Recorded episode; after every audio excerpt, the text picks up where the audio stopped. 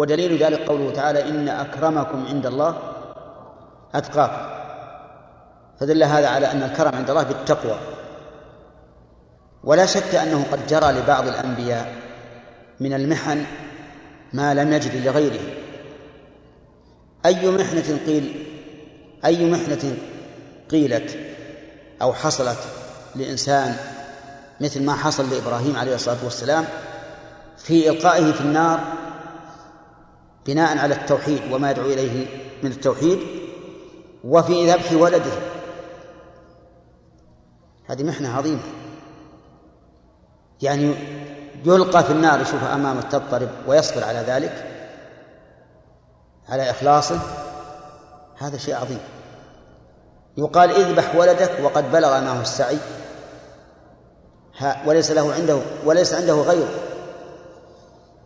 نعم. فيمتثل ويستسلم والولد قد بالغ معه السعي ليس صغيرا لا يلتفت له وليس كبيرا قد بان من أبيه. يعني صار يافع صار يافع. أكبر ما تتعلق به النفس في مثل هذا السن. ثم يقال اذبح ولدك. هذه محنة عظيمة من يصبر عليها؟ عرفت؟ إي نعم. ثم إنه قد يفضل النبي غيره بكثرة أتباعه لأن أتباعه كلما عملوا عملا صالحا فله مثل أجر مثل أجورهم أما المقام في السماوات فإن نوحا لم يذكر. وأظن أخانا العقيلي وهم. لم يذكر في المعراج إطلاقا. هارون في السماء الخامسة. وإبراهيم وموسى في السادسة. ومعلوم أن موسى أفضل من هارون. هارون وعيسى ابن ابن الخالة في سماء واحد. نعم؟ إيش؟ يحيى نعم.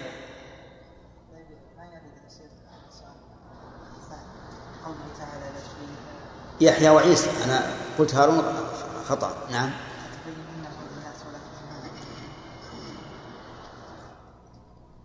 أي نعم.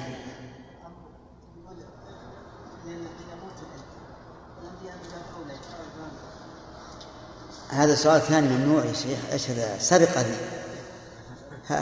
هل يثبت فيها القطع؟ طيب انتهى الوقت. يلا. انتهى انتهى الوقت. الفقه. طلبة الجامعة الإسلامية من الجمهوريات واحد منهم يقرأ اللي ما قرأ أولا يقرأ الآن.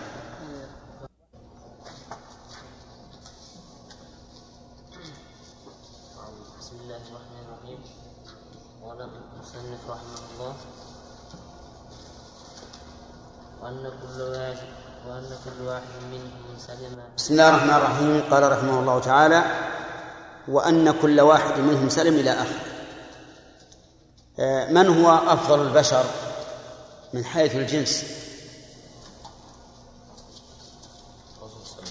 ها؟ لا. نعم. يا عبد الله. الرسل. ثم؟ الملائكة. البشر نقول أفضل البشر من حيث الجنس. شرافة الصديقين الصديقون. نعم. الأنبياء. تمام. آه، ثم بعد ذلك؟ نعم. ثم الشهداء ثم الصالحون. طيب. هذا من حيث الجنس. أما بالتعيين فأفضل البشر محمد صلى الله عليه وآله وسلم. ما الدليل؟ الدليل؟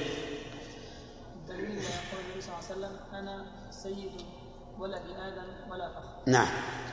قول أنا سيد ولد آدم ولا فخر. هذا دليل قولي. والدليل الفعلي أنه صلى بالأنبياء إماما لهم في ليلة الإسراء. طيب. هل الولي أفضل أم النبي؟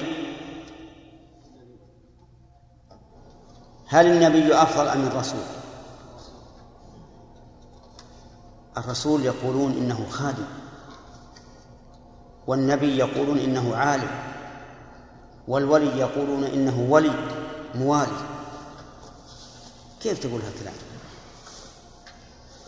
رسول رسول ونبي والنبي أيضا ولي وكل كل نبي ورسول ولي وليس كل ولي نبي ورسول ما رأيك بالفكرة اللي قلت أنا؟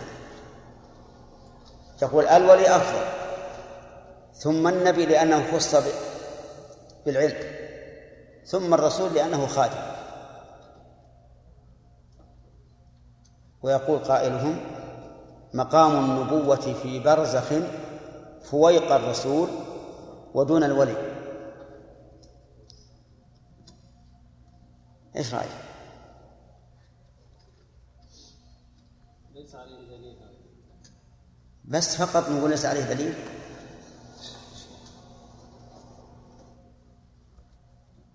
نقول هذا من حيث اللغة. قول كل الرسول خادم فقط لكن من حيث الشرع فالمعنى أعم. نعم. نقول هذا قول باطل. أي. يكفي أن تقول باطل. لأن الرسول صلى الله عليه وسلم لأن الرسول شرافة كفر. هذا القول كفر. هذا القول كفر. ونقول لهم إن الرسول جمع بين النبوة والولاية فهو أفضل الأولياء. والنبي جمع بين الولاية والنبوة فهو في الدرجة الثانية بعد الرسالة.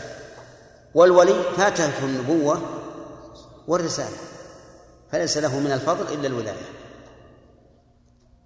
واضح؟ لكن أولئك والعياذ بالله يرون أن من يزعمونهم أولياء أشرف البشر ولهذا يتصل بهم الحال إلى عبادتهم. وإلى اعتقاد أنهم يدبرون الكون تدبيرا كاملا. مثل بعض مشايخ الصوفية الغالين وغيرهم أيضا. المؤلف يقول إن محمد عليه الصلاة والسلام هو أفضل العالم وبعده الأفضل أهل أفضل أهل العزم. فمن أهل العزم؟ الذي بعد الرسول.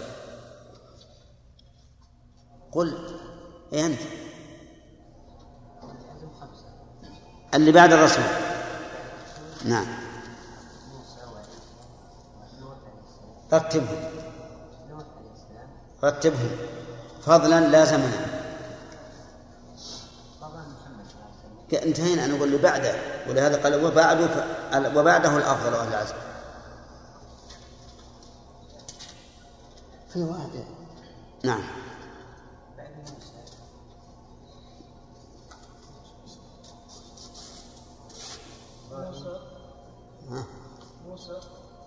لا. إبراهيم وموسى ونوح وعيسى إبراهيم. ثم؟ موسى. نعم. ونوح وعيسى نعم.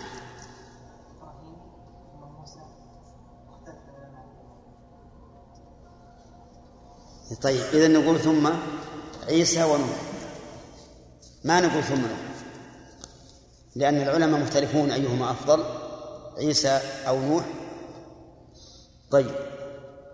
ثم قال المؤلف رحمه الله تعالى مبتدأ درس اليوم وإن كل واحد منهم سلم. إن كل واحد منهم الضمير يعود على الرسل عليهم الصلاة والسلام. كل واحد منهم سلم من كل ما نقص ما زائدة. والتقدير من كل نقص. ومن كفر عصم قول من كل ما نقص ليس المراد نقص الخلقة أو نقص البشرية لا المراد من كل ما نقص في الدين لأنهم عليهم الصلاة والسلام هم أسبق الناس إلى الخيرات وأعظم الناس امتثالا لأمر الله. فهم سالمون من كل نقص في الدين وكذلك من فوات الدين بالكلية لقوله ومن كفر عصر فليس من الرسل كافر ولم يكفر أحد من الرسل ولم يتعمد أحد من الرسل أن يفعل ما فيه نقص الدين أبدا. وإن فعلوا شيئا فإما عن اجتهاد أو تأويل أو ما أشبه ذلك ثم يتب... يبرؤون من إثمه بتوبة الله عليه. كذاك من إفك ومن خيانة. يعني مبرؤون من من الإفك وهو الكذب. ولهذا ما كذب نبي قط. وأما ما جاء عن إبراهيم عليه الصلاة والسلام أنه كذب ثلاث كذبات في الله فهي كذبات توهية. والتورية ليست كذبا في الواقع لأن المعنى الباطن المعنى الباطن منها حقيقي مطابق للواقع. فقوله للملك الظالم هذه أختي وهي زوجتي. هذا وإن كان المرأة ليست زوجته ليست أخته لكن هو أراد أنها أخته على وجه صحيح أنها أخته في دين الله. وكذلك قوله بل فعله كبيرهم هذا أيضا فيه تورية وإن كان الكبير لم يفعله لكن الذي كسر الأصنام هو إبراهيم عليه الصلاة والسلام إلا أنه ور أي فعله كبيرهم الذي تزعمون أنه إله. وكذلك أيضا من خيانة لا يمكن أن يخون لا بالقول ولا بالفعل. حتى إن النبي عليه الصلاة والسلام منع من الإشارة بالعين والغمز بالعين لأن هذا نوع من الخيانة. إذن سلموا من كل كذب وسلموا من كل خيانة لأن الكذب والخيانة ينافيان الرسالة منافاة كاملة. إذ لا ثقة بقول الخائن ولا ثقة بقول الكاذب صح؟ احتمال أن أن يكون ما قاله من الكذب الذي كان يكذبه والاحتمال أن يكون خان فأخبر بالأمر على خلاف وجهه. فلذلك هم مبرؤون من الكذب والخيانة. قال لوصفهم بالصدق هذا ضد قوله إفك وبالأمانة ضد قوله ومن خيانة. فهم موصوفون بالصدق عليهم الصلاة والسلام لأن الله شهد لهم. كذلك موصوفون بالأمانة أنهم أمناء على وحي الله عز وجل. وإذا كان جبريل عليه الصلاة والسلام موصوفا بالأمانة وهو رسول إليهم فهم كذلك من باب من باب أولى. أفادنا المؤلف رحمه الله أن الأنبياء أو الرسل معصومون مما ذكر. فهل هم معصومون من صغائر الإثم؟ نقول نعم ليسوا معصومين من من صغائر الإثم لكنهم معصومون من إرادة المخالفة. ومن ومن ال الاستمرار أو ومن الإصرار على المعصية. معصومون من إرادة المخالفة لأن الذي يقع منهم يكون عن قصد أخطأوا فيه الصواب. يكون عن قصد أخطأوا فيه الصواب. مثلا عفى الله عنك لما أذنت لهم حتى يتبين لك الذين صدقوا وتعلم الكاذبين. هو أذن لهم اجتهادا منه. يظن أن المصلحة في ذلك. ولكن المصلحة في غير هذا. المصلحة أن يتأنى حتى يعلم الذين صدقوا ويعلم الكاذبين. يا أيها النبي لما تحرم ما أحل الله لك؟ تبتغي مرضاة أزواجك والله غفور رحيم. حرم ما أحل الله له طلبا لتأليف لمرضاة زوجاته وتأليف قلوبهن ولكنه لم يحرمه شرعا. يعني لم يحرمه حكما شرعيا إنما حرمه امتناعا يعني-, يعني حرمه على نفسه. كما تقول حرام علي أن ألبس هذا الثوب حرام علي أن أدخل هذا البيت حرام علي أن أشتري هذه السيارة مثلا هذا ليس حراما تحريما شرعيا لكنه تحريم امتناع. يعني أنني ألزم نفسي بأن أمتنع من هذا الشيء. كذلك وتخفي في نفسك ما الله مبديه. هل أخفى في نفسه هذا عنادا ومخالفة؟ لا لكنه أخفاه تحريا للمصلحة ومع ذلك نهي عن هذا. فالحاصل أنهم عليهم الصلاة والسلام لا لا يمنعون من وقوع صغائر الذنوب لكنهم لا يفعلونها كما يفعلها غيرهم تعمدا للمخالفة ولا يقرون عليها أيضا. لا بد أن ينبهوا عليها حتى يرجعوا إلى الصواب. ثم قال وجائز في حق كل الرسل. الآن فهمنا الممتنع في حقه. انتقل المؤلف من الممتنع في حقهم إلى الجائز. والجائز في حقهم هي الطبائع البشرية. الطبائع البشرية يستوون فيها مع الناس. ولهذا قالوا للمكذبين إن نحن إلا بشر مثلكم ولكن الله يمن على من يشاء من عباده. وقال خاتمهم محمد صلى الله عليه وآله وسلم إنما أنا بشر مثلكم أنسى كما تنسون. أنسى كما تنسون. هذه طبيعة بشرية. يأكل كما نأكل يشرب كما نشرب. يتقي البرد كما نتقيه يتقي الحر كما نتقيه يلبس الدروع في الحرب كما نلبسها وهكذا. فالطبائع البشرية جائزة في حق الرسل. ولهذا قال وجائز في حق كل الرسل النوم لكن قد يختصون بخصائص في النوم منها اختصاص النبي صلى الله عليه وآله وسلم بأنه تنام عيناه ولا ينام قلبه فالإحساس الظاهري منه ينام كغيره والباطن لا ينام لا ينام قلبه فقلبه دائما مشغول بذكر الله عز وجل وبغير ذلك مما أراد الله سبحانه وتعالى ولكن لا, لا ينام. طيب النوم والنكاح جائز في حق من يتزوج. والجواز هنا جواز شرعي ولا جواز خلقي؟ ها؟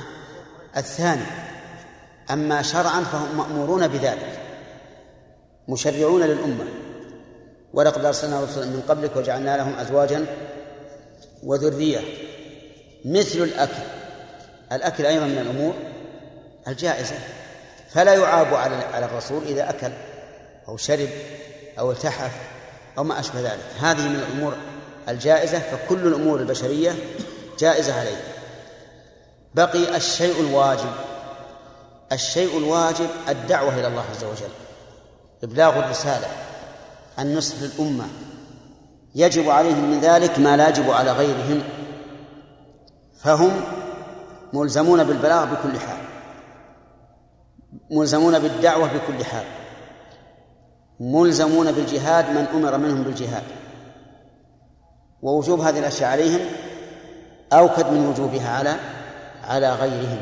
ولهذا نقول الأمور المسنونة يجب على الرسول عليه الصلاة والسلام أن يبلغها. يجب أن يبلغها ويجب أن يفعلها ليقتدي بها الناس. وإن كانت أمورا مسنونة فإذا كان البلاغ لا يحصل إلا بفعلها وجب على الرسول أن يفعلها. لوجوب البلاغ عليه طيب ممتنع في حقهم دعوى الألوهية أو دعوى الربوبية. ولهذا لم لما قال لما قال الله تعالى لعيسى أأنت قلت للناس اتخذوني وأمي إلهين من دون الله؟ قال سبحانك ما يكون لي أن أقول ما ليس لي بحق. إن كنت قلته فقد علمته. تعلم ما في نفسي ولا أعلم ما في نفسك إنك أنت علام الغيوب. ما قلت لهم إلا ما أمرتني به أن يعبدوا الله ربي وربكم. طيب هل يجوز عليهم الموت؟ موت؟ يجوز على النبي أن يموت؟ نعم. أين؟ يجوز شرعا وواقعا. قال الله تعالى إنك ميت وإنه ميتون. وقال تعالى وما جعلنا لبشر من قبلك الخلد. وقال تعالى وما محمد إلا رسول قد خلت من قبله الرسل أفإن مات أو قتل انقلبتم على أعقابكم إن مات يعني ميتة طبيعية أو قتل فمات بسبب القتل. انقلبتم على أعقابكم إذن هو ميت. فإذا قال إنسان كيف تكون الرسل أمواتا والشهداء وهم دونهم أحياء؟ كما قال تعالى ولا تحسبن الذين قتلوا في سبيل الله أمواتا بل أحياء عند ربهم يرزقون.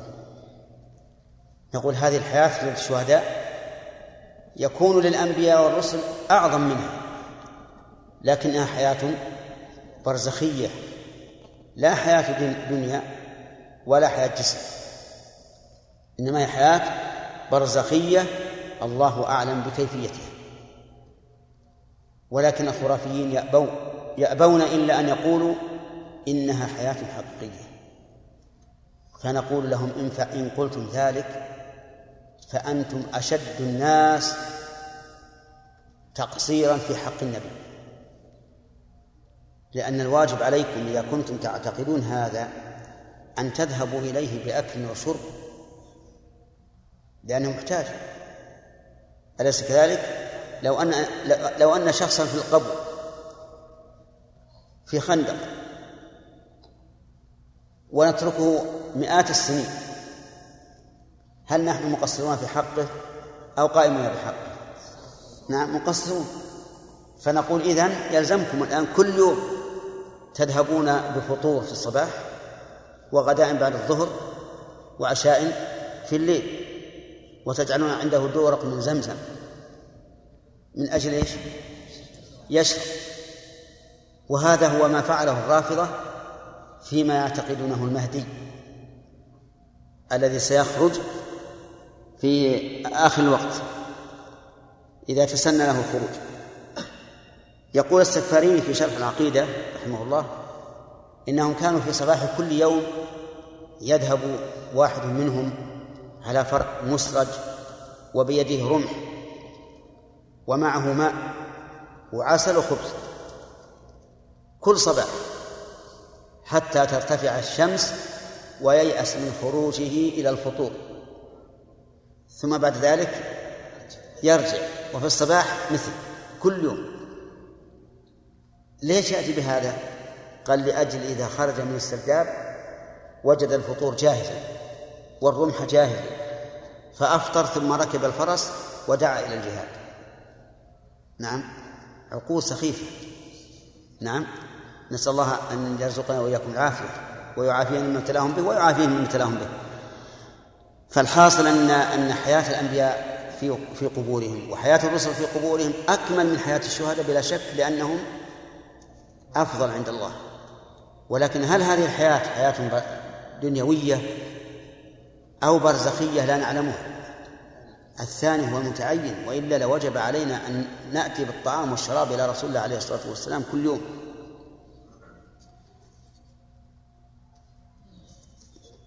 الوقت معنا؟ منتهي؟ شيخ لما نقول إنهم كمان جنوا جناية أخرى؟ وهي؟ وأنهم اتهموا الصحابة بأنهم دفنوه حيا. أي نعم. هذا إذا كان إذا إذا لم يمت ثم حي بعد موت بعد دفنه. هم يدعون بعد دفنه؟ حي. نعم. التورية ما دليل على جواز إيش؟ ما دليل على جواز التورية. التورية فعل إبراهيم عليه الصلاة والسلام. وهذه ضرورة فعل إبراهيم. وفعل إبراهيم ضرورة. ما تجوز الحاجة الناس يستخدمون الآن حتى في أشياء البسيطة جدا. أنت من قال لك إننا قلنا بأن التوريه جائزة مطلقا؟ نحن لم نتكلم على على أحكام التوريه التوريه للظالم حرام بالإجماع. عرفت؟ وللمظلوم جائزة أظنها بالإجماع. أظنه ولا أدري. ول- ولمن ليس بظالم ولا مظلوم؟ فيها خلاف. فيها خلاف. بعض العلماء يقول حرام لأن الإنسان يتهم. ويجر على نفسه التهمة. وبعضهم يقول ليست بحرام. والراجح أنها حرام إلا لحاجة. لأن الإنسان لو أجزنا له التورية كلما شاء صار كل كلامه تورية وصار الناس لا يثقون به أبدا. نعم. أخذت؟ الأخ. نعم. والرسول صلى الله عليه وسلم ما يسلم عليه إلا يرد لي الله نعم.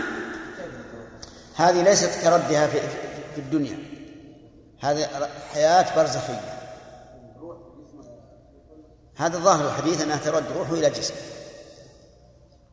نعم. عيسى عليه السلام يقول فرفعه الله اليه يعني هذا الرفع هذا مستمر ولا كيف؟ الله اي وش فيها؟ يعني هذا هل الرفع مستمر حتى الان اي نعم مستمر إلى أن ينزل في آخر الزمان.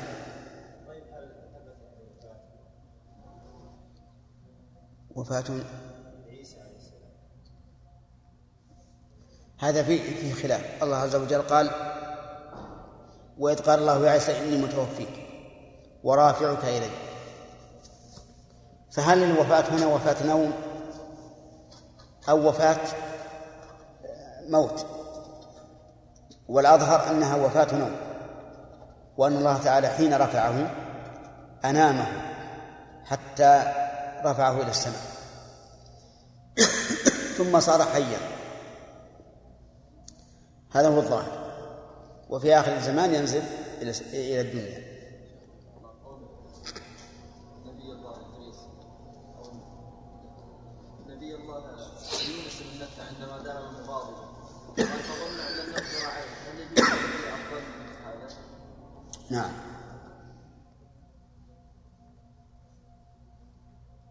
وش تقولون؟ يقول إن يونس عليه الصلاة والسلام قال الله تعالى فيه وذنوني إذ ذهب مغاضبا فظن أن لم نقدر عليه فهل يجوز فهل يجوز مثل هذا الظن من الرسل؟ نقول ما معنى نقدر؟ ما معناه؟ أسألك لا ما هي بالعادية المعروفة القدرة التي لا تعرفها على هذا الحال. ومن قدر عليه رزقه فلينفق مما آتاه الله. أي تضيع فظن أنه بخروجه هذا أنه يجري الساعة. عما كان عليه في الأول. فظن ذلك ولكن الله تعالى أراه أنه في قبضته عز وجل وضيق عليه أكثر من ذي قبل في بطن الحوت ولولا أنه كان من المسبحين للبث في بطنه إلى يوم يبعثون. نعم. بعض الصوفية يقولون أن النبي صلى الله عليه وسلم إذا اجتهد فإن اجتهاده وأخطأ يقول أن النبي صلى الله عليه وسلم اجتهد لا يخطئ. صلى الله عليه وسلم لا فيه. نعم. أنا ما أقدر أرد عليه. ولكن يرد عليه الله. عفى الله عنك. لما أذنت لهم حتى يتبين لك الذين صدقوا وتعلم الكاذبين هل فعل هذا اجتهادا؟ أو إرادة لما لا خير فيه؟ أسأله كلهم.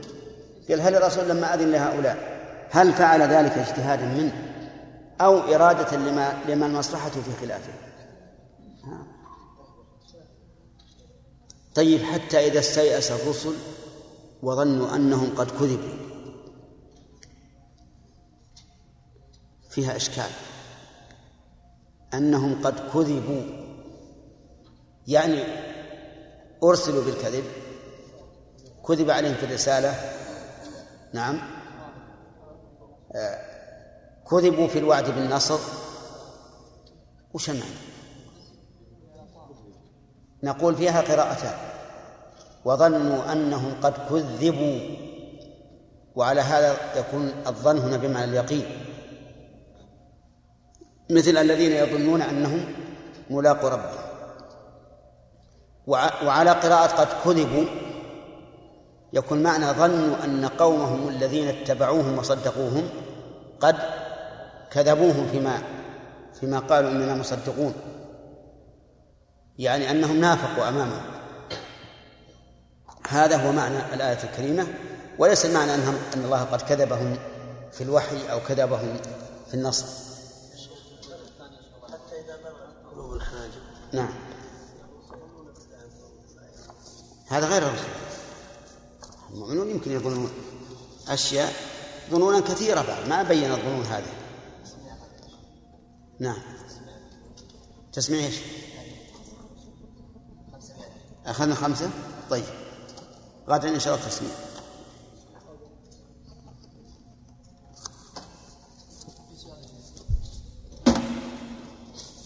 نعم. اقرأ. اقرأ وصلى الله وسلم على نبينا محمد وعلى آله وأصحابه ومن تبعهم بإحسان إلى يوم الدين. آه، الرسل عليهم الصلاة والسلام يمتازون عن غيرهم في الأمور المستحيلة والجائزة والممكنة والجائزة والواجبة فما هو المستحيل في حق الرسل الجائز في حق غيرهم. خالد. الكذب والخيانة. هذا جائز في حق. وممتنع في حق. ممتنع في حق الرسل. شرعا. شرعا وقدرا. لم يكن. طيب. وما هو الجائز لهم ولغيرهم؟ أنت. ها؟ عادات البشر عادات الطبائع البشرية طيب مثل طيب هل تجوز الكبائر على الأنبياء؟ لا تجوز الكبائر لا تجوز ما تقول في قتل النفس؟ أنهم ما تعمدوا إرادة الشر ها؟ ما تعمدوا إرادة هذا الشر كيف؟ أو أو بتأويل. أو بالتأويل طيب. إذا كان بتأويل فقد يكون شيء كبيرة لكن في حقهم ليس بكبيرة لأنهم لا لم يتعمدوا. انتظروا حتى نصفها قال المؤلف وأن وإن كل واحد منهم سلم من كل ما نقص. ما مراده بالنقص؟ نعم مراد النقص لا لا الذنوب والصغائر نعم. النقص في الدين. نعم. النقص في الدين. يعني ما دون الكفر, الكفر بدليل قوله ومن كفر عصي طيب. الظاهر ان الباقي أخذنا فيه المناقشة. فصل في ذكر الصحابة الكرام. فصل في ذكر الصحابة الكرام. الصحابة والصحب والصحابي وما والصاحب صاحب رسول الله كلهم لهم ميزة على غيرهم. فالصاحب في غير الصحابة الرسول صلى الله عليه وسلم هو يرحمك الله هو من كثرت ملازمته. صاحبك من كثرت ملازمته لك. هذا يرحمك الله هذا في حق غير الصحاب صحابة رسول الله صلى الله عليه وآله وسلم. أما الصحابة للرسول عليه الصلاة والسلام فالصحابي هو من اجتمع بالنبي صلى الله عليه وآله وسلم مؤمنا به ولو حكما ومات على ذلك. انتبه. من اجتمع بالنبي صلى الله عليه وسلم ولو حكم مؤمنا به ولو حكما ومات على ذلك. فخرج بقولنا من اجتمع من أسلم في عهد الرسول صلى الله عليه وسلم وآمن به لكن لم يجتمع به. مثل أن يكون أقبل على المدينة ليبايع النبي صلى الله عليه وآله وسلم فمات الرسول عليه الصلاة والسلام قبل أن يصل. فهذا ليس بالصحابي وإن كان قد أسلم في عهد النبي صلى الله عليه وسلم. لكنهم اصطلحوا على أن. على أن يسموه مخضرما. ومرتبته بين الصحابة الخلص وبين التابعين الخلص. لأنك إن نظرت إلى كونه أسلم في عهد الرسول ألحقته بالصحابة. وإن نظرت إلى أنه لم يجتمع به ألحقته بالتابعين. ولهذا كان في منزلة بين منزلة الصحابة والتابعين ويسمى مخضرما وما رواه عن النبي صلى الله عليه وآله وسلم فإنه يعتبر منقطعا لأنه لم يجتمع بالرسول صلى الله عليه وآله وسلم. وقولنا مؤمنا به خرج بذلك من اجتمع بالرسول صلى الله عليه وآله وسلم مؤمنا بغيره ولما مات الرسول آمن بالرسول. فهذا ليس بالصحابة لأنه حين اجتماعه به ليس مؤمنا به ولهذا يكون مؤمنا به. ودخل في قولنا من اجتمع بالرسول من كان أعمى واجتمع بالرسول فإنه يكون صحابيا. وبهذا نعرف أن قولنا من اجتمع به أحسن من قول بعض العلماء من رآه مؤمنا به لأننا إذا قلنا من رآه خرج بذلك الأعمى. طيب. وقولنا ولو حكما دخل فيه الصبي في المهد. إذا اجتمع بالرسول عليه الصلاة والسلام كما لو جاء بصبي من أبناء المسلمين إلى الرسول عليه الصلاة والسلام ثم مات النبي صلى الله عليه وسلم قبل أن يميز هذا الصبي. فإن هذا مؤمن بالرسول حقيقة أو حكما؟ حكما. لماذا؟ لأنه صبي لا لا عقل له لكنه مؤمن لإيمان أبويه. طيب. وقولنا ومات على ذلك. دخل فيه من ارتد ثم رجع إلى الإسلام. ومات على الإسلام. فإنه يكون صحابيا. فالردة لا تبطل الصحبة إلا أن يموت على الردة. كما أنها لا تبطل الأعمال الصالحة إلا أن يموت على الردة. لقوله تعالى ومن يرتد منكم عن دينه فيمت. وهو كافر. فأولئك حبطت أعمالهم في الدنيا والآخرة. وخرج به من اجتمع بالرسول عليه الصلاة والسلام مؤمنا به ثم ارتد ومات على الردة فإنه لا يكون صحابيا. فاعرف القيود حتى يتبين لك من هو الصحابي. ثم الصحابة على مراتب كما سيأتي في هذا الباب على مراتب في الفضيلة والسبق إلى الإسلام. سيذكره المؤلف وقد انتهى الوقت الآن. نرجع الكلام عليه إلى غد إن شاء الله. نعم. صغار الصحابة الذين كانوا في المدينة ولكن لم يروا النبي صلى الله عليه وسلم داخل هل تعتبر لا. الذين لم يجتمعوا به لا تعتبر لهم به لا ما تعتبر. لا بد أن يجتمعوا به. نعم صغار الصحابه الذين راوا النبي صلى الله عليه وسلم ولكن ما كانوا في يعني تحمل ما كانوا- ما كانوا يتحملون الدين تكون روايتهم مرسلة. المرسلة مرسل الصحابي له له حكم الاتصال. هذا يعلم من مصطلح الحديث. نعم. نعم. يا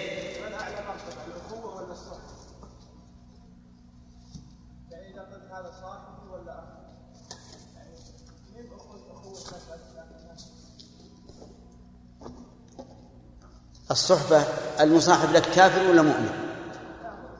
إذا اجتمع في حقه. إيش؟ أخوة وصحبة. ومن لم يكن صاحبا فليس في حقه إلا الأخوة. ولهذا لما قال الرسول عليه الصلاة والسلام ليت أنا نرى إخواننا. قالوا أولسنا إخوانك يا رسول الله؟ قال أنتم أصحابي.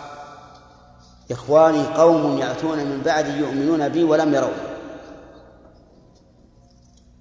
فقوله أنتم أصحابي يعني أعلى من الأخوة. نعم. أخوك إيش؟ من من النسب يعني؟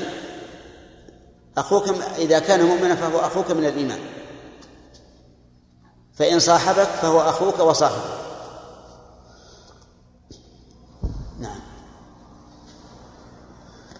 من قال هنا؟ حمد. ما هو تقرأ؟ لا. اسأل. ما انتهى الوقت. نعم.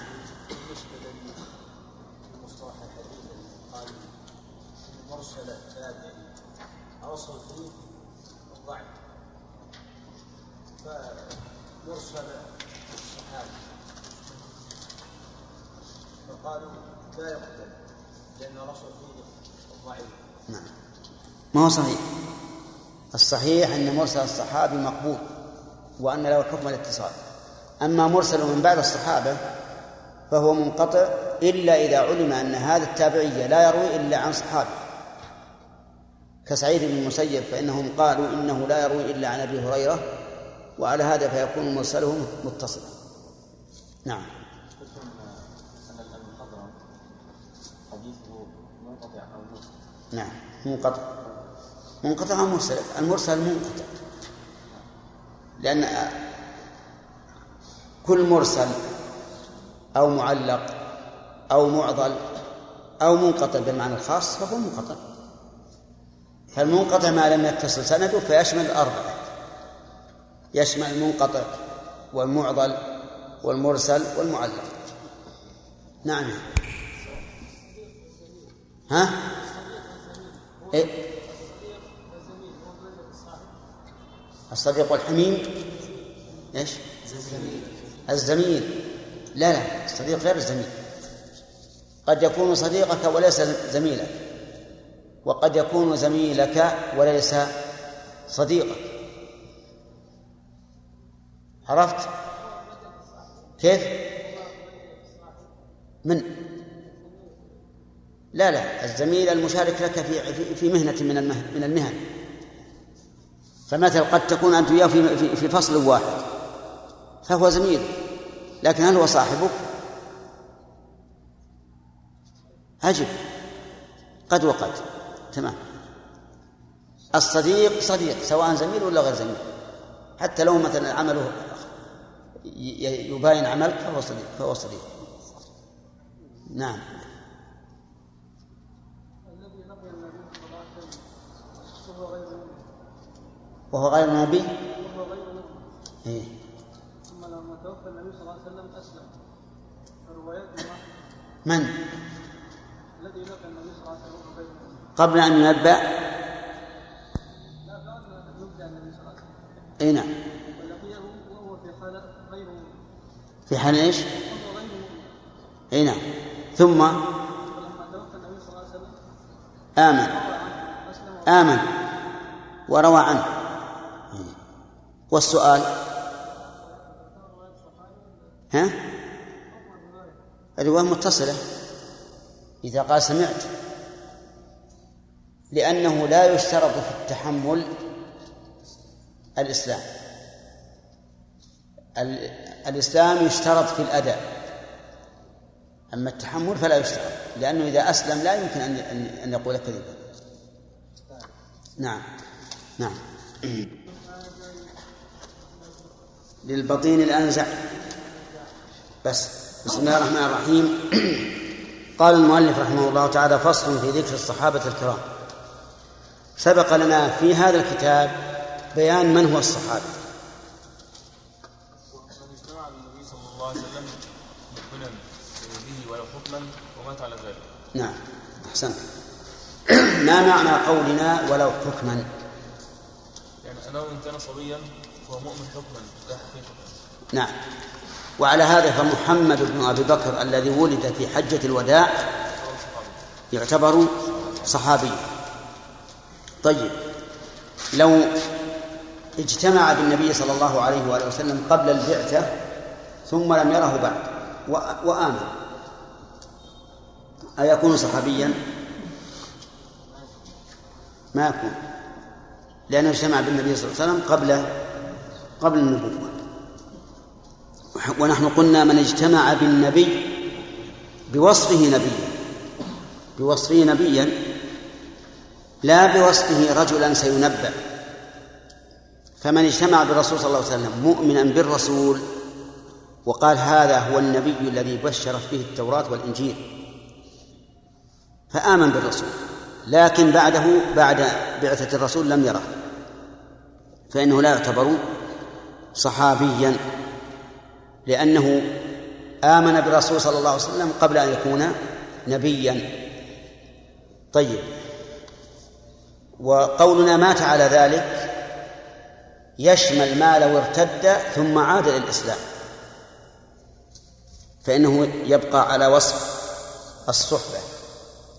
أما لو ارتد ومات على الإسلام فمعلوم أنه ليس بصحابي آه، نعم أما لو ارتد ومات على الكفر فمعلوم أنه ليس بصحابي لأن الردة تبطل الأعمال كلها إذا مات الإنسان عليها والعياذ بالله.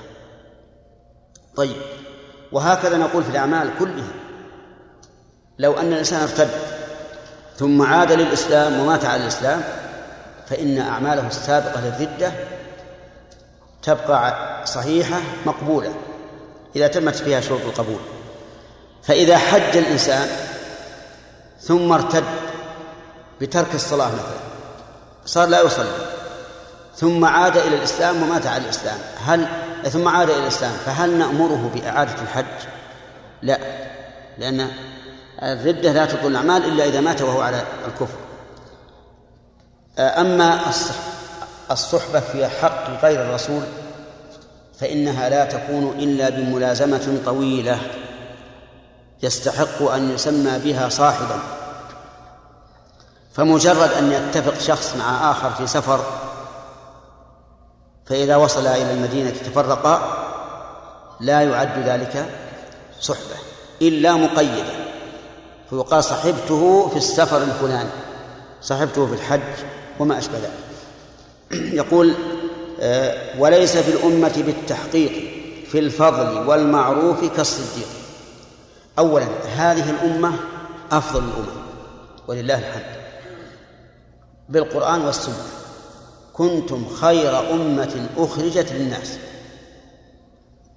وقال النبي عليه الصلاة والسلام إنكم توفون سبعين أمة أنتم أكرمها على الله عز وجل. هذا الحديث أو معناه. فهذه الأمة ولله الحمد أفضل الأمم بالقرآن والسنة. ثم إن خير هذه الأمة الصحابة. ثم الذين يلونهم ثم الذين يلونهم. لقول النبي صلى الله عليه وسلم خير الناس قرني ثم الذين يلونهم ثم الذين يلونهم. طيب. ثم الصحابة المهاجرون أفضل من الأنصار. لأن المهاجرين جمعوا بين النصرة والهجرة.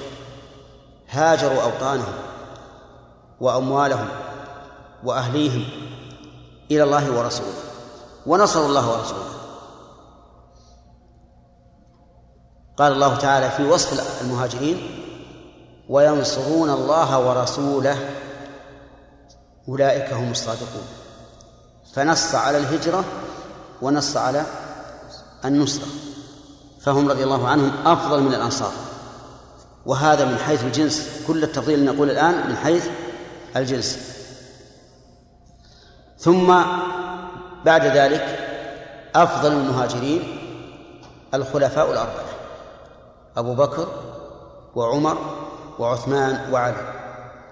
ثم أفضل هؤلاء الأربعة كما قال المؤلف وليس في الأمة أمة محمد عليه الصلاة والسلام بالتحقيق أي بالقول المحقق الذي دلت عليه النصوص في الكتاب والسنة ليس فيها في الفضل والمعروف كالصديق. الفضل بذل الخير والإحسان, من العلم والمال وغير ذلك والمعروف ضد المنكر. فهو جامع رضي الله عنه بين العدل الذي هو المعروف وبين الفضل الذي هو الإحسان. ويدل لذلك أن الله تعالى لم يصف أحدا من الصحابة بأنه صاحب رسول الله إلا أبو بكر. إلا أبا بكر هذا الصواب. لم يصف أحدا بالصحبة من الصحابة إلا أبا بكر. قال الله تعالى إلا تنصروه فقد نصره الله. إذ أخرجه الذين كفروا. وش بعده؟ بعده؟ بعده. نعم. ثاني اثنين. إذ هما في الغار إذ يقول لصاحبه لا تحزن إن الله معنا وهذه منقبة عظيمة. لم ينلها إلا من هو أهل لها وهو أبو بكر. الله أعلم حيث يجعل رسالته وأعلم حيث يجعل فضله. فهذا الفضل العظيم لأبي بكر لم ينله أحد. وقال النبي عليه الصلاة والسلام لو كنت متخذا من أمتي خليلا لاتخذت أبا بكر. ما قال اتخذت فلان ولا فلان. لاتخذت أبا بكر. ولكن أخوة الإسلام ومودته. وقال لا يبقين في المسجد باب ولا خوخة إلا سدت إلا باب أبي بكر. وقال معلنا على المنبر إن أمن الناس علي في ماله وصحبته أبو بكر. أفبعد هذا يقال إن غيره أفضل منه؟ لا والله. أمن الناس. علي في ماله وصحبته أبو بكر. مع أن المنة حقيقة لمن؟ للرسول عليه الصلاة والسلام. يعني كونه أبو بكر يكون صاحبا للرسول ولم يطرده الرسول أو يعرض عنه أو يريه وجه غضب هذه المنة للرسول في الواقع. لكن من كرم الرسول عليه الصلاة والسلام جعل المنة من أبي بكر عليه. كذلك أيضا الصحبة. المنة لمن؟ للرسول عليه الصلاة والسلام. والمنة الأولى للجميع لله عز وجل. ولهذا لما قال الرسول عليه الصلاة والسلام للأنصار يبين لهم ما من الله به عليهم. كلما ذكر لهم أن الله هداهم به وأغناهم به وألفهم به قالوا الله ورسوله أمن. الله ورسوله أمن. إذن ليس في الأمة مثل أبي بكر رضي الله عنه مثل أبي بكر رضي الله عنه. ليس في الأمة مثل أبي بكر رضي الله عنه. في الفضل والمعروف الذي هو الإحسان والعدل وصحبة الرسول عليه الصلاة والسلام. وكل شيء ليس مثل ليس فيها مثل أبي بكر. حتى أن الرسول صلى الله عليه وسلم ذات يوم حث على الصدقة. فانصرف الناس ليتصدقوا. فقال عمر رضي الله عنه الآن أسبق أبا بكر. شوف كيف يتسابقون. فأتى بنصف ماله أتى بنصف ماله الله أكبر. نصف ماله أتى به في الصدقة. الواحد إذا أراد يخرج ربع العشر وهو واجب صار يحمر صف ويمكن يسأل العلماء لعل أحد منهم يقول هذا ما في زكاة. طيب أتى بنصف ماله وقال الآن أسبق أبا بكر. فسأله الرسول عليه الصلاة والسلام ماذا ترك لأهلك؟ قال شطر المال. فأتى أبو بكر بكل ماله. فسأله الرسول عليه الصلاة والسلام ماذا تركت لهم؟ قال تركت لهم الله ورسوله. الله كل المال. ما بقي شيء. فقال عمر الآن لا أسابق أبا بكر أبدا. عرف أنه عاجز أن يسبقه وعمر هو الرجل الثاني في هذه الأمة. إذن لا يسبق أبا بكر أحد من هذه الأمة. ما دام الرجل الثاني عجز عن مسابقته أو عن سبقه فمن دونه من باب أولى. وقولك كالصديق هذا لقب أبي بكر رضي الله عنه.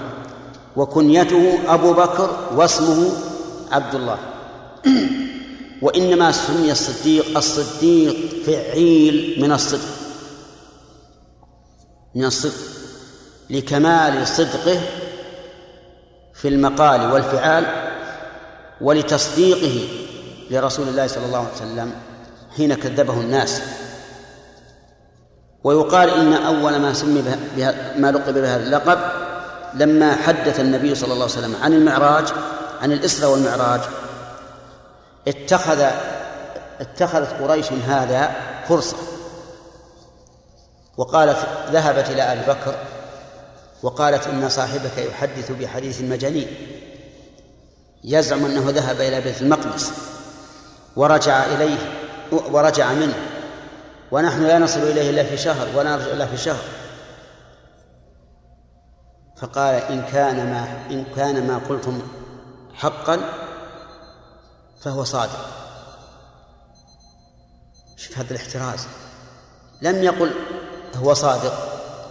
قال إن كان ما تقولون لأنه يحتمل أنهم كذبوا على رسول إن كان ما حدث ما حدثتموني به حقا فهو صادق.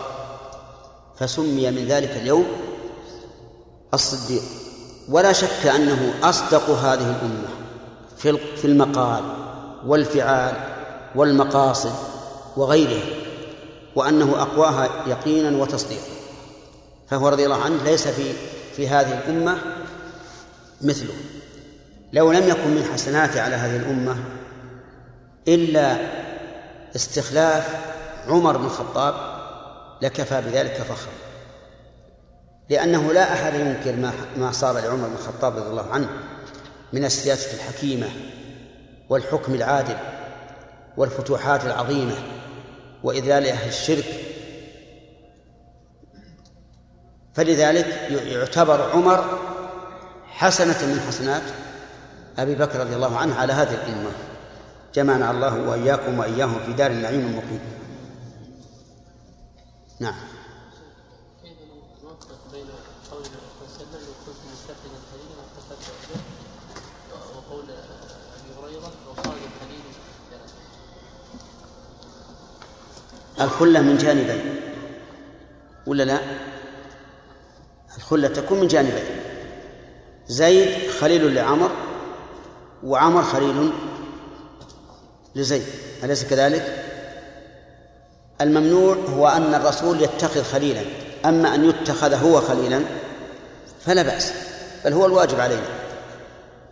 الواجب علينا أن أن نجعل رسول الله صلى الله عليه وسلم هو خليلنا وأحب الناس إلينا نعم.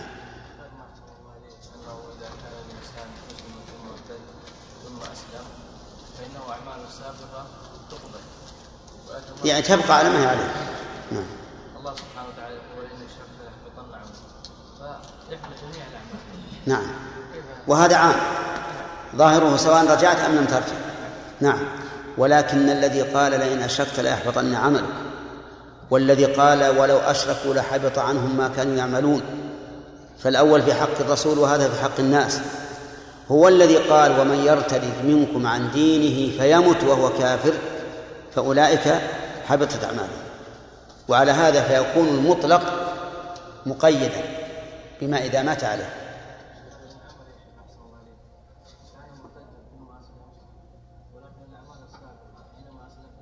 فإنها لا تقبل لابد أن نطالب الأعمال لا الله يقول فيمت وهو كافر.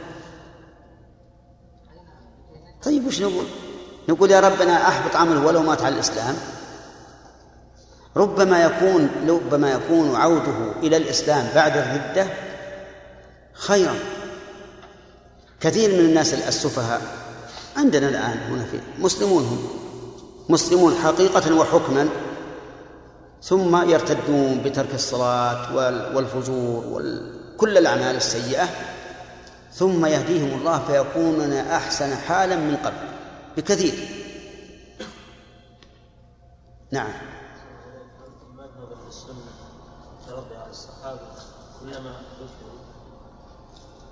إيه هذا يعني هذا من حقهم علينا وإلا فإن الله عز وجل وصف الذين من بعدهم بأنهم يقولون ربنا اغفر لنا ولإخواننا الذين سبقونا بالإيمان ولم يذكر الترضي. لكن من حقوقهم علينا ومن الأدب ومن الاعتراف بالفضل أن نترضى عنه. ولا فليس بواجب. نعم.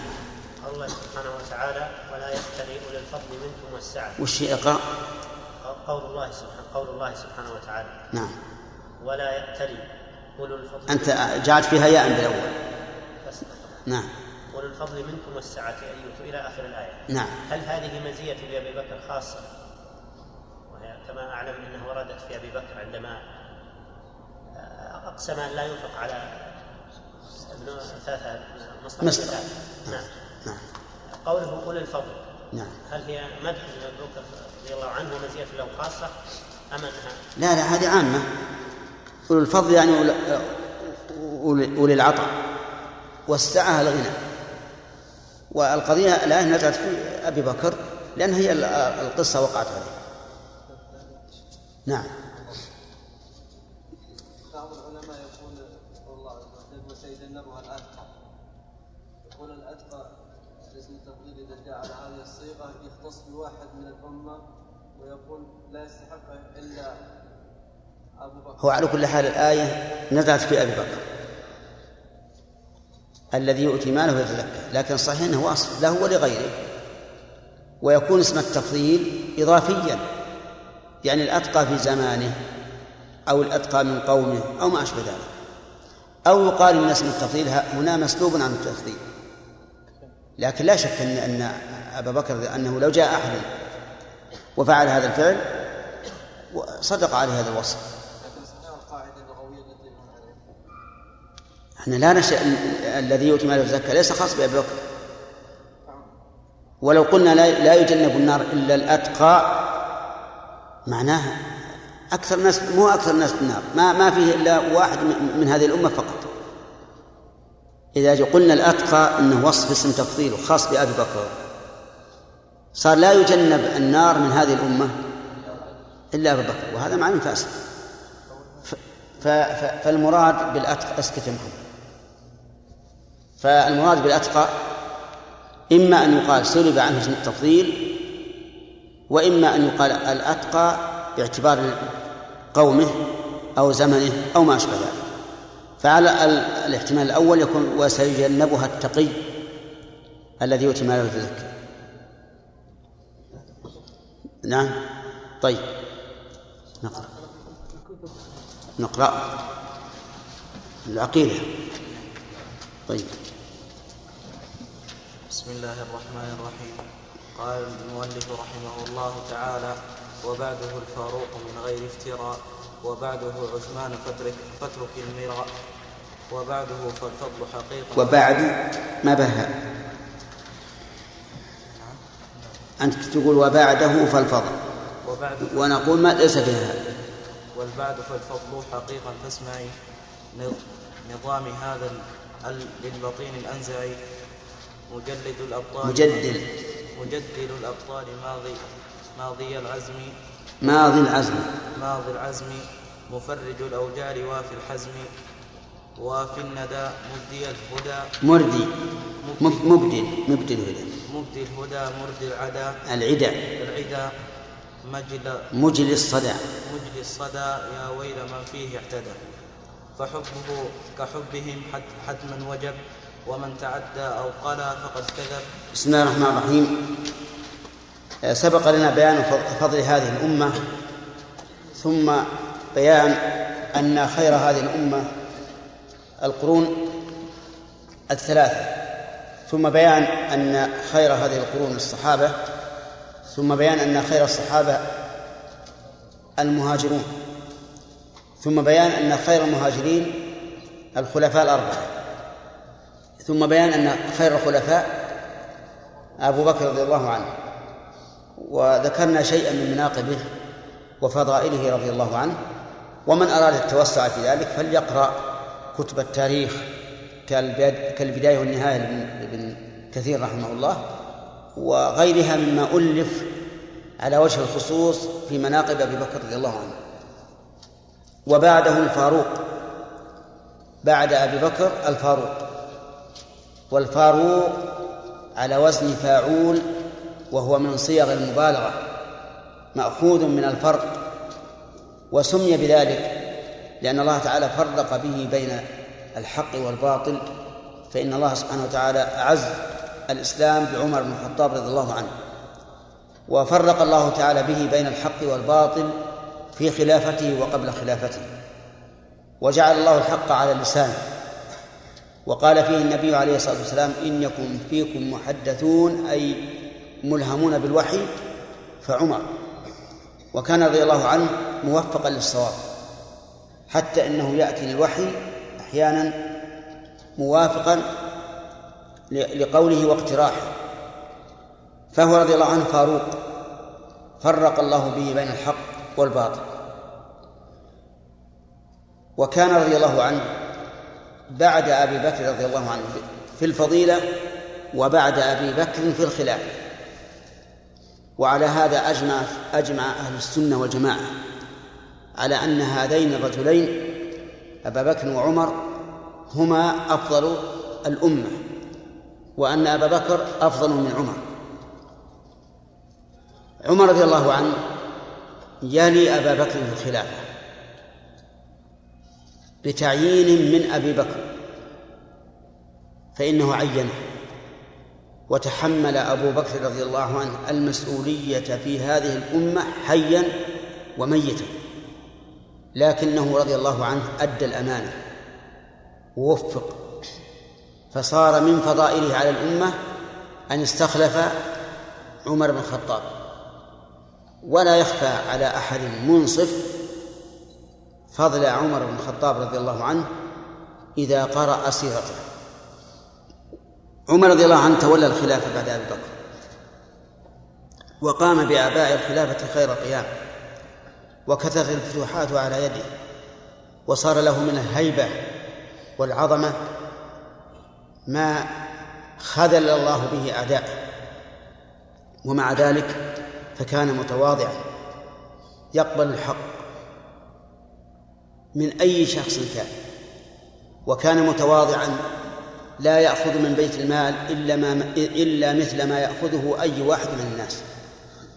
ولا يعطي أحدا من أولاده إلا مثل ما يعطي واحدا من الناس بل ربما نقصه. وكان رضي الله عنه لم يتخذ لنفسه بوابا ولا قصرا بل كان ينام في المسجد فيجمع الحصى ثم ينام عليها وسادة له. وكان عليه رداء مرقع وسيرته عجيبة. لا تكاد تصدق بما ينقل عنه. ولهذا أعز الله بالإسلام بعد كونه خليفة وقبل كونه خليفة. وكان له هيبة عظيمة. يذكر أن رجلا من اليهود في الشام كان منزله إلى جنب بيت المال. فعرض عليه معاوية أن يشتريه منه. قال بع علي البيت من أجل أن يدخله في, في مع بيت المال. فأبى اليهود. فأعطاه ثمنا أكثر من ثمنه. فأبى. معاوية رضي الله عنه رأى أن المصلحة العامة مقدمة على المصلحة الخاصة. فأدخله في بيت المال وقال خذ إذا شئت القيمة أعطيناك. ولكن اليهودي أبى. فقدم المدينة فجاء إلى عمر يبحث عن عمر. فقيل له تجده الآن في المسجد. فذهب إلى المسجد فوجد رجلا كأنه فقير.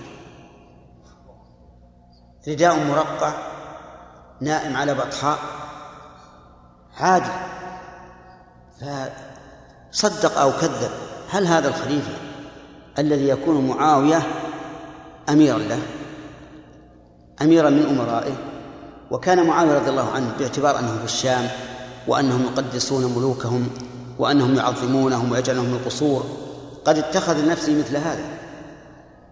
لا حبا في الدنيا ولكن إقامة إقامة للسلطة مقام السلطة الأولى حتى يهابها الناس. لأن معاوية لو فعل مثل ما فعل عمر في المدينة وهو في الشام لم يبالي الناس به. فجاء إلى عمر فقص عليه القصة. فيقال إنه أخذ عظما من الأرض عظما من الأرض وكتب فيه ليس كسرى بأعدل منا ليس كسرى بأعدل منا ووضع خطا وفوقه خط آخر كالصليب. وقال اليهود اذهب أعطه معاوية فلما جاء به إلى معاوية معاوية قطعا بينه وبين عمر إشارة وهي ما يسمى في العرف الحاضر شفرة.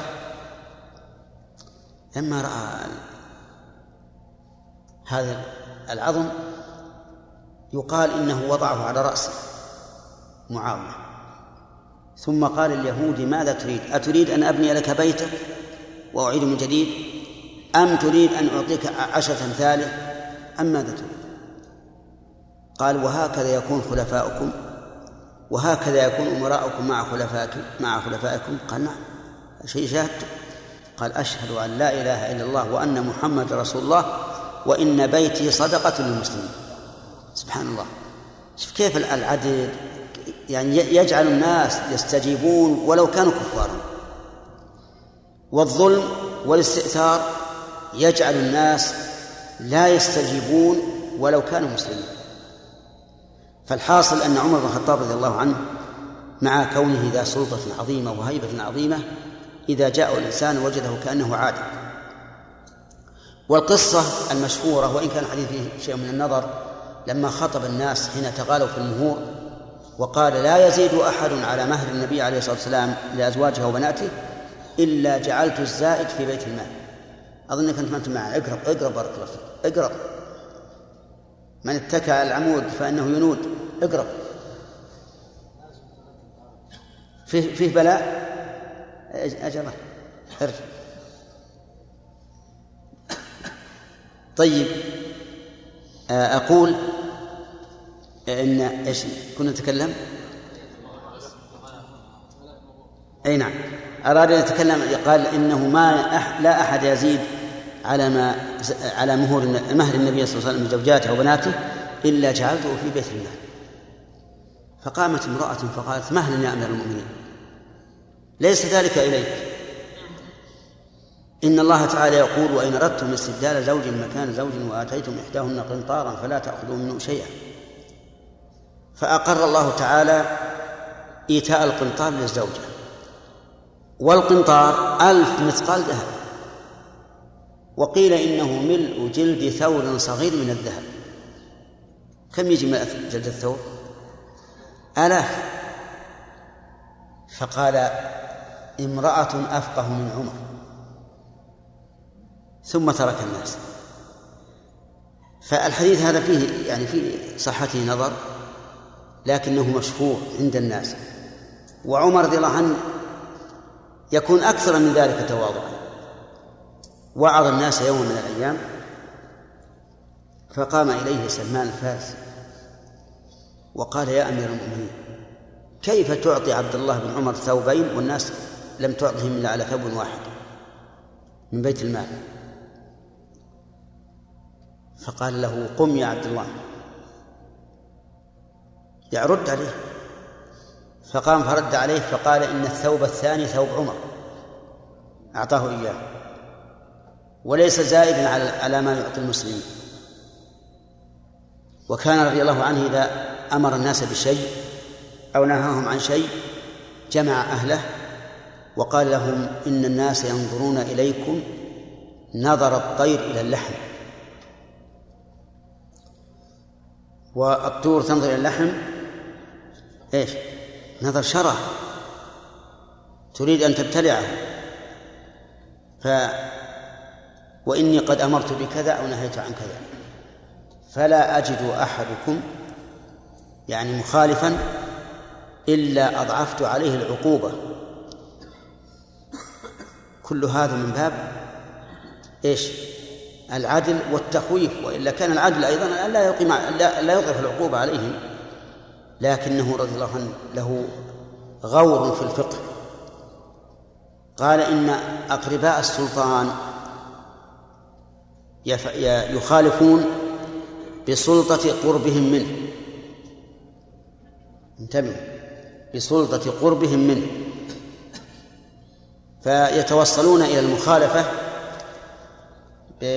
بقربهم من ولي الأمر.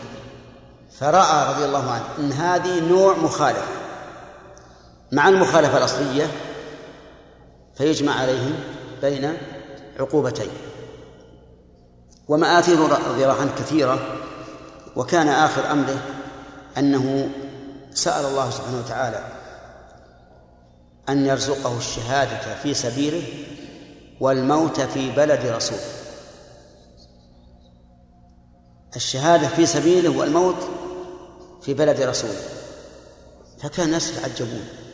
المدينة بلد إسلام ما فيها قتال.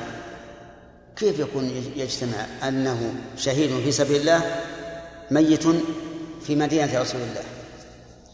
فصار فاستجاب الله دعوته. وقتل شهيدا في بلد الرسول عليه الصلاة والسلام. وهو لم يقتل لعداء شخصي. لكنه لعداء إيش؟ ديني. لأن القاتل له أبو لؤلؤة.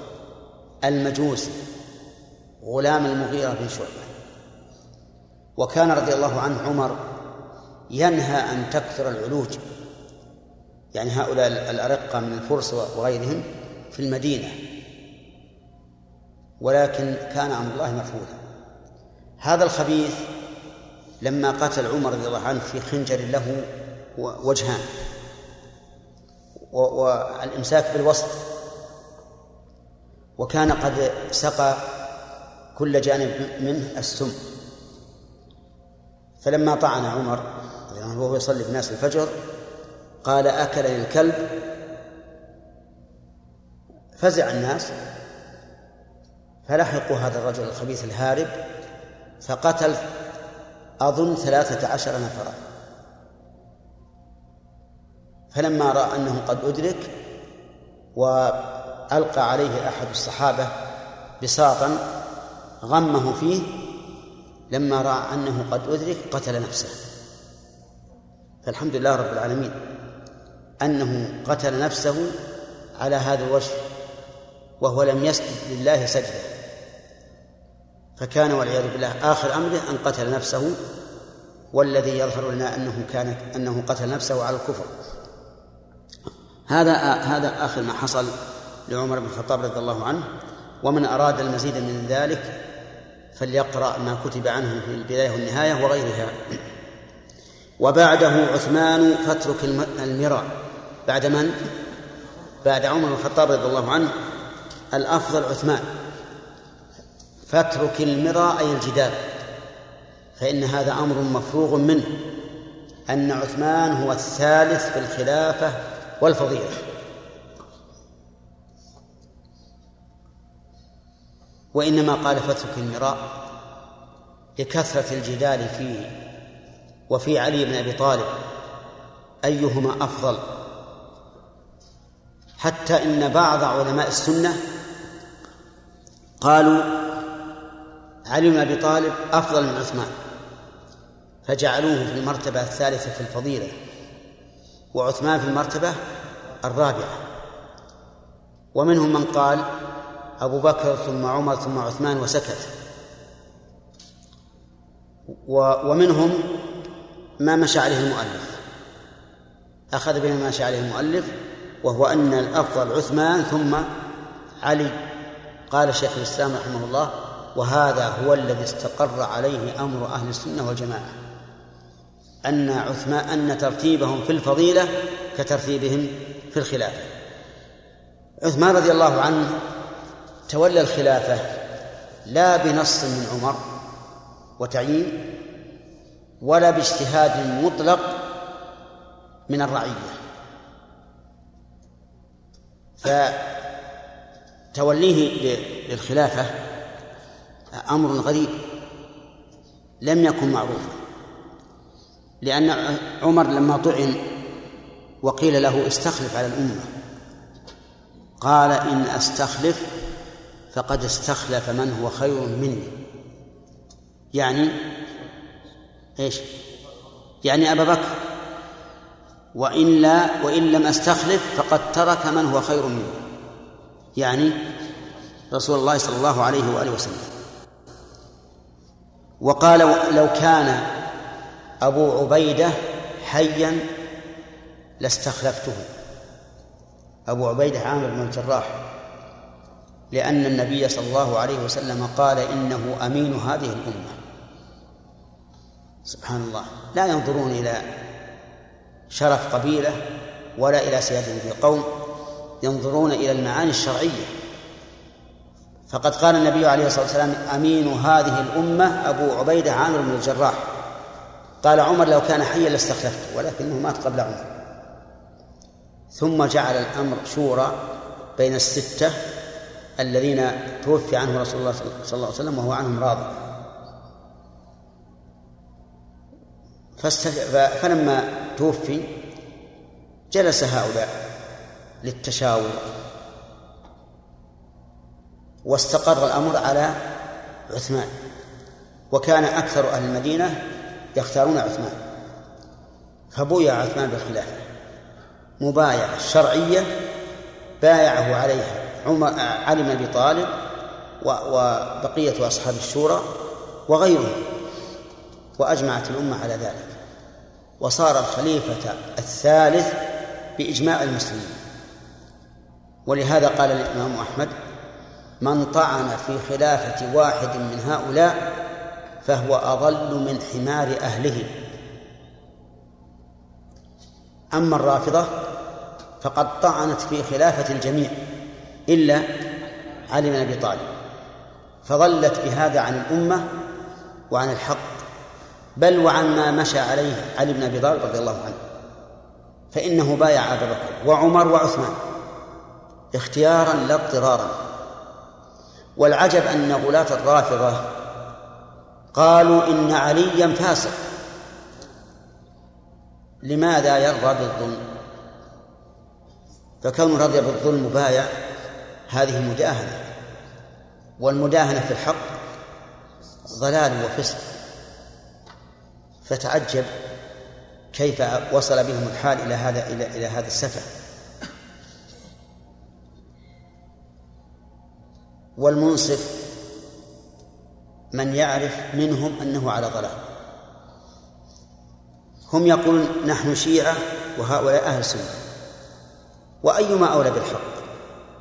أهل السنة أو الشيعة المتعصبين لأشخاص معينين؟ كل يعرف أن أهل السنة هم اللي على الحق لأنهم على سنة. وكونهم يقولون هذا سنة ونحن شيعة اعتراف منهم بأنهم ليسوا على سنة. وإذا كان كذلك فيقال اتقوا الله ارجعوا إلى السنة. ما دمتم الآن تعترفون بأن هؤلاء أهل السنة وأنتم شيعة. ثم نقول من أحق الناس تشيعا لآل البيت؟ من؟ أهل السنة. نحن نحب آل البيت المؤمنين منهم لكونهم مؤمنين ولكونهم من قرابة الرسول عليه الصلاة والسلام نفضلهم على غيرهم بهذا بهذا المعنى. لكن لا نعطيهم الفضل المطلق بل ننزلهم منزلتهم. وهم أعني آل البيت يرضون بهذا غاية الرضا. وكان أمير المؤمنين علي بن أبي طالب وهو إمام أهل البيت كان رضي الله عنه يقول على منبر الكوفة يعلن خير هذه الأمة بعد نبيها أبو بكر ثم عمر وأحيانا يقول ثم عثمان وأحيانا يسكت فعلى هذا نقول إن عثمان رضي الله عنه يلي عمر بن الخطاب في الفضيلة فهو الثالث في الفضل في هذه الأمة. وهو الثالث في الخلافة من هذه في هذه الأمة ومن أنكر ذلك بالنسبة إلى الخلافة فيقول الإمام أحمد إنه أضل من حمار أهله وقال إنه أضل من الحمار لأن الحمار من أبلد الحيوانات. ولهذا مثل الله اليهود بالحمار الذين حملوا التوراة ثم لم يحملوها. قال كمثل الحمار يحمل أسفارا إذا حملت على الحمار المغني والمجموع شرح المهذب والإنصاف نعم وتسير كثير وفتح الباري ثم راجعت الحمار وقال ماذا قال في فتح الباري؟ إيش يقول؟ يوفيك نهيقا. فعلى كل حال الحمار أبلد الحيوانات. وأدل الحيوانات بالنسبة لمكان. لمبيته وسألت مرة الشيخ عبد الرزاق العفيفي رحمه رضي الله عنه وعافاه قال إنما كان الحمار أدل ما يكون إلى مأواه ومبيته لأنه بليد لا يشغل مخه مخه شيء من التفكير فيكون معتمدا على المظاهر الخارجية لأن ذهنه ما في ما في مخ يفكر. يعني وهذه مناسبة غريبة. لذلك تجد الإنسان الذي مع السائق لا يروح بالسيارة إلا بسواق ولا يجي إلا بسواق ما يعرف الأسواق ولا يعرف البيوت. لو يتردد عليه عشر مرات والسائق يعرف بأول مرة. لأنه قد وضع ذهنه لهذا الشيء. الحمار ما يهمه إلا المبيت والمأوى والأكل والشرب وأما غيره ما عنده تفكير. فالحاصل أن, نقول إن الإمام أحمد قال من طعن في خلافة واحد من هؤلاء فهو أضل من حمار أهله. قال ذلك ليش؟ ها؟ لأن أبلد ما يكون من الحيوانات الحمار. طيب. انتهى الوقت أظن. استغفر الله تسميع عندنا؟ بسم الله الرحمن الرحيم قال المؤلف رحمه الله وبعد فالفضل حقيقا فاسمع. نظام فاسمعي. فاسمعي. نظامي هذا للبطيء. ها؟ عندي ألف للبطين قل ما قلت لك. للبطين هذا للبطين أنزعي أنزعي. مجدل للبطين الأنزعي. الأنزعي. نعم. مجدل الأبطال. مجدل. مجدل مجدل مجدل الأبطال ماضي العزم مفرج الأوجال وافي الحزم. وافي وافي الندى مبدي الهدى مردي العذى مجلي الصدايا مجلي مجلي. مجلي الصدايا ويل من فيه فيه اهتدى. فحبه كحبهم حتما وجب. ومن تعدى أو قل فقد قلى قلى أو قلى فقد كذب. عندكم قلى بالياء ولا بالألف؟ عندي بالياء قلى يقلى نعم. وبعد فالأفضل. بس بس. بسم الله الرحمن الرحيم. الحمد لله رب العالمين. وصلى الله وسلم على نبينا محمد وعلى آله وأصحابه ومن تبعهم بإحسان إلى يوم الدين. قال المؤلف رحمه الله تعالى السفارين في عقيدته المنظومة قال وبعده وبعد فالأفضل وبعد فالفضل حقيقا فاسمعي نظامي هذا للبطين الأنزل. بعد أي بعد الثلاثة الخلفاء الراشدين أبي بكر وعمر وعثمان. بعد ذلك فالفضل حقيقا أي حقيقة أو حقيقا بمعنى جدير جديرا. كما في قوله تعالى حقيق على أن لا أقول على الله إلا الحق. فهي صالحة لهذا وهذا.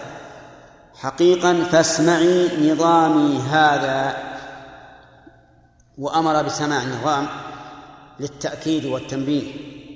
للبطين خبر قوله فالفضل أي فالفضل كائن للبطين الأنزع البطين يعني واسع البطن.